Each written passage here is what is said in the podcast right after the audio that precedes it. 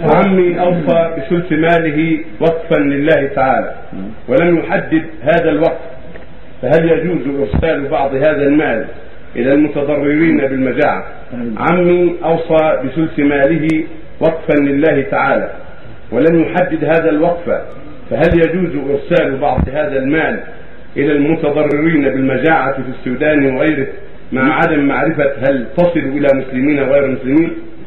نعم نعم. إذا كان الوقف في وجوه البر وأعمال الخير أو قال وقفا لله أو في طعم كما يقول بعض البادية أو في وجوه البر أو في وجوه الخير أو قال وقفا لله وسكت يصح في وجوه الخير. ولا مانع يعطى منه المتضررون من السودان وغير السودان حتى ولو كان فيه غير المسلمين ممن لهم امانا بين المسلمين لأنهم تجوز فيهم الصدقة تطوع الكفار يعطون من الصدقة التطوع. كما قال الله جل وعلا لا ينهاكم الله عن الذين يقاتلون الدين ولم يخرجوكم من دياركم ان تبروهم وتقسطوا إليهم. إن الله يحب المقسطين. فأخبر سبحانه أنه لا ينهانا أن نبرهم ونقسط إليهم إذا كانوا ليسوا حربا لنا.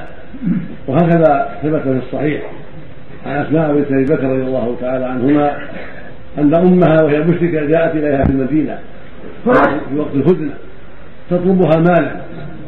فقالت اسماء يا رسول الله ترى في ذلك؟ فقال صليها فأمرها أن تصل أمها وهي مشركة. فالمقصود أن صلة المشرك للمال المتطوع به. إذا كان ليس حربا لنا كالمستأمن والمعاهد والذمي ونحو ذلك لا بأس. إنما لا ينهى عنه ولا يوجد ولا يوصله إذا كان حربا لنا. إذا كان بيننا وبينهم الحرب وعدم الأمان وعدم العهد فله إذا أعطى شيء لا قليل ولا كثير. أما الصدقة على الفقراء والمساكين الذين لا حرب بيننا وبينهم فلا حرج في ذلك من غير الزكاة. أما الزكاة فلا بد تكون المسلمين عند جمهور أهل العلم.